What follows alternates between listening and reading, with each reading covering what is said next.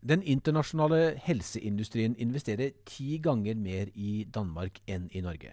Samtidig er antallet kliniske studier halvert i Norge de siste ti årene. Og vi bruker bare halvparten av bruttonasjonalproduktet på legemidler sammenlignet med OECD-gjennomsnittet.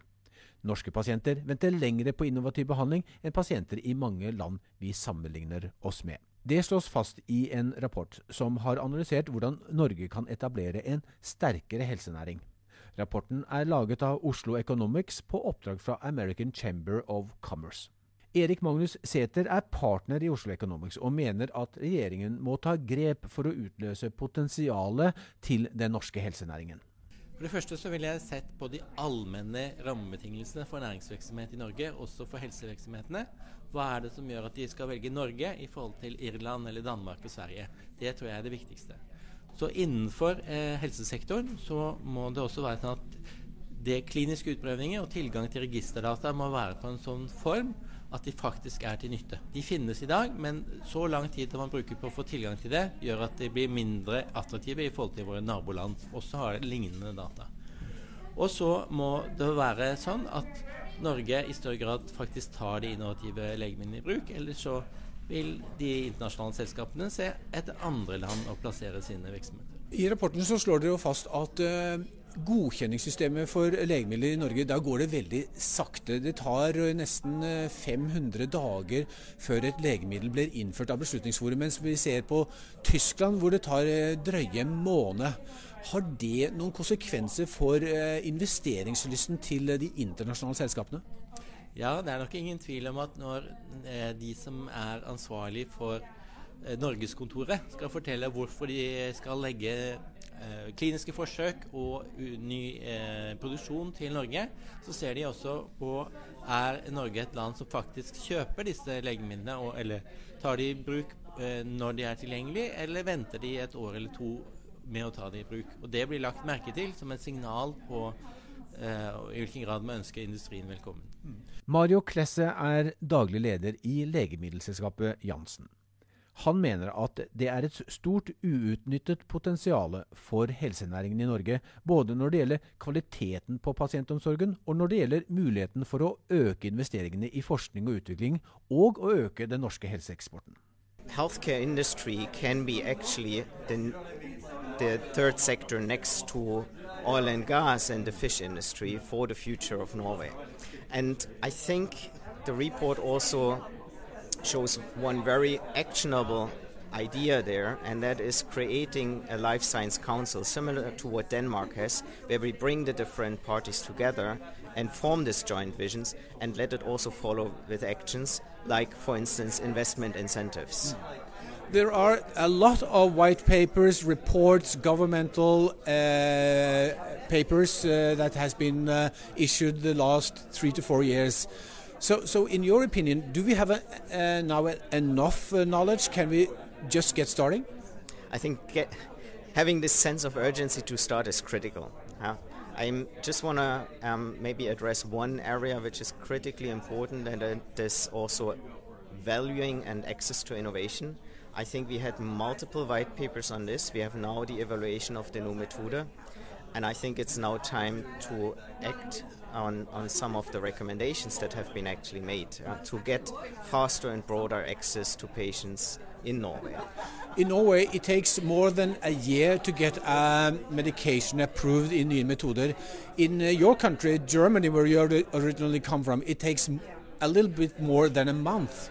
Can you explain to our viewers uh, how is that? Why does it take so short time in Germany? The main difference is um, the approach and the attitude towards inno innovation, and also on how you value innovation. I think. Uh, so in Germany, there's political and societal con consensus that innovation is something that needs to reach patients fast, is something that is good for the um, for the overall industry and, and economy of the country, and is good for patients and patients' health, and also for the healthcare system because it can leverage effici uh, efficiencies, mm. and that has been also how the system who, which assesses the drugs and the processes have been built because the way how it is handled in Germany is that innovations get access to patients or patients get access to innovations on day one and the assessment of the value of the innovation and the price negotiations run in parallel. Abvis Norgesjef Kirsti Nyhus sier at den internasjonale helseindustrien er innovasjonsintensiv og kan skape høyproduktive arbeidsplasser, et bedre helsevesen og økt økonomisk aktivitet i Norge. Hun mener rapporten fra Oslo Economics viser at det er politisk vilje til å satse, men at det går for sakte. Eh, jeg syns det er spennende konklusjoner, og er veldig glad for at vi har fått en sånn eh, rapport. Eh, det er gode ambisjoner, ser vi. Men det jeg er bekymret over, er at disse gode ambisjonene ikke har blitt til konkrete endringer enda, At det går for sakte. Og at vi til og med ser at vårt system lokalt i Norge går i feil retning. I, I, Danmark står det i rapporten eh, så, så, er investeringene i helsenæring betydelig. I Norge får vi en tiendedel av disse investeringene. Hva skal gjøres for at vi skal eh, komme opp på samme nivå som Danmark? Ja, for det, er jo interessant det du sier, fordi at investeringer eh, og det å tiltrekke seg disse investeringene til Norge istedenfor til Danmark, da. Dette er jo en internasjonal konkurranse om, om, disse midlene. Og det er store midler som investeres i Europa, så vi kunne fått en stor del av den kaka. Men eh, det er viktig når eh, investeringene skal legges et sted, at man har et hjemmemarked som faktisk tar i bruk de innovasjonene som, som, man forsker frem. Og hvis vi da ikke er gode nok til å ta i bruk, hvis vi bruker lengre tid i Norge og i mindre grad tar i bruk innovasjoner, så, så, blir vi også mye mindre attraktive for å få tiltrekke investeringene hit. Rapporten slår fast at vi bruker halvparten av OECD-gjennomsnittet på legemidler. Det tar veldig lang tid før et legemiddel blir innført i Norge, dvs. Si finansiert av Beslutningsforum. Uh, er det medvirkende årsaker til at investeringene i Norge er såpass lave?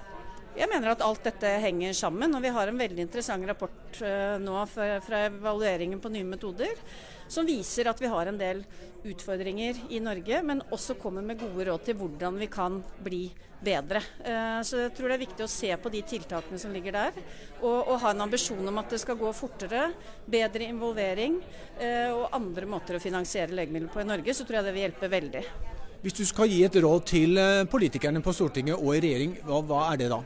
Jeg tror at Politisk sett så er de ganske enige om hvor vi vil. Så mitt råd vil da være å på en måte sørge for at byråkratiet faktisk implementerer de, den politikken som er vedtatt.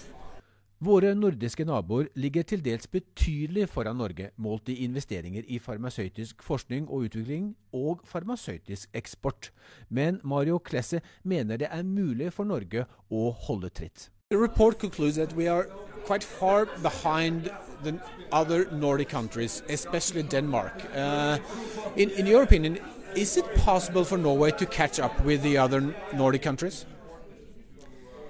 I think it is. I think Finland has shown that this is possible in the past because Finland, for instance, I mean, just to pick one area which the report uh, shows is uh, around how can you create a better uh, innovation infrastructure by, for instance, also leveraging the potential of Norwegian health registries.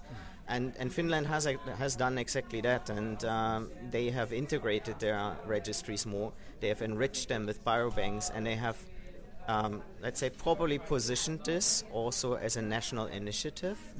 And um, by that also attracted more investments. Or if you look for Denmark with the um, Life Science Council, where you have actually a joint vision which is implemented and uh, driven not only by the government but also by government and industry together. I think uh, it also shows how much could be done there uh, if you would adopt a similar approach in Norway. If you can give the the government uh, three advice of how to get moving forward now. I think create this common vision and build this life science council, which we were talking about, to to work together on a joint future would be my first. The second is working on faster and broader access to innovation uh, in Norway. And the third is providing the right innovation infrastructure by investing in lighthouses of excellence for clinical research.